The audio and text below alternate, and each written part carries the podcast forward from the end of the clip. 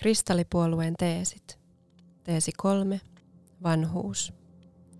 Vanhuus on tärkeä osa elämää. Vanhuus on osa elämää, ja elämän pitää tarjota mahdollisuuksia iloon ja onnellisuuteen kaikissa sen vaiheissa. Meistäkin tulee vanhuksia.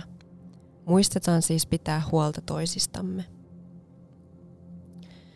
Hyvinvointiyhteiskunnassa ihmisarvoinen elämä kuuluu kaikille, myös heille, jotka eivät enää ikänsä puolesta pysty osallistumaan työmarkkinoille.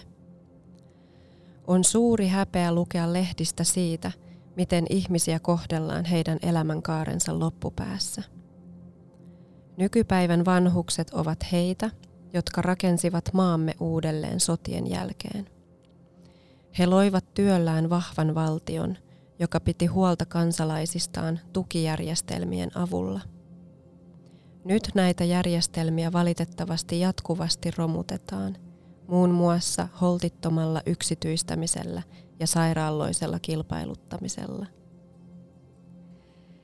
Eettisyyden ja ihmislähtöisyyden on vuosien saatossa korvannut taloudellisen voiton tavoittelu, missä vanhukset nähdään kulueränä tai mahdollisuutena tehdä voittoa.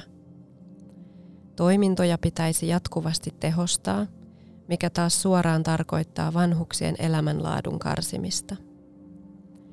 He eivät saa riittävästi aikaa hoitajilta – he eivät pääse liikkumaan tarpeeksi. Heille tarjottu ravinto on ala-arvoista. He eivät myöskään pääse vessaan tai suihkuun riittävän usein. On varsin ymmärrettävää, että ihminen joutuessaan tuollaisen kohtelun alaiseksi voi masentua ja kadottaa elämän iloaan, saman tapahtuessa myös heidän hoitajilleen.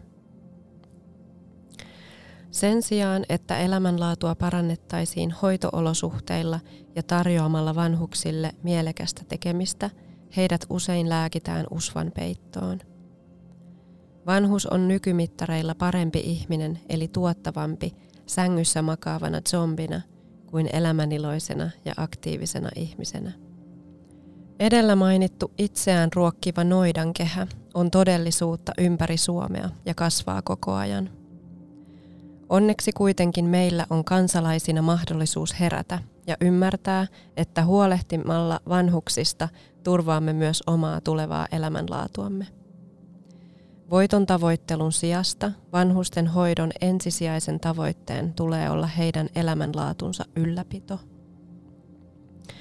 Se vaatii taloudellisia panostuksia, jotka ovat kuitenkin täysin mahdollisia, kun vain päätämme valtiona ottaa myös rahapolitiikkamme demokraattisen hallinnon alle, jolloin voimme kohdentaa riittävän määrän rahaa sinne, missä sillä on tarvetta.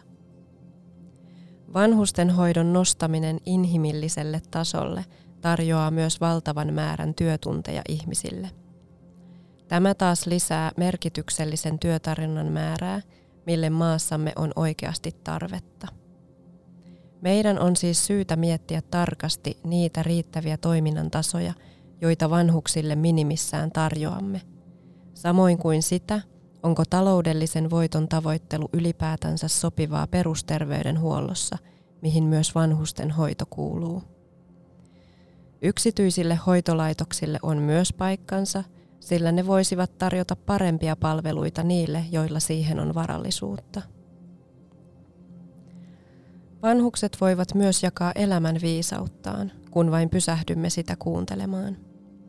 Meidän ei tarvitse toistaa samoja virheitä tai edetä jopa huonompaan suuntaan sukupolvesta toiseen, vaan voimme myös valita nopean kehityksen tien.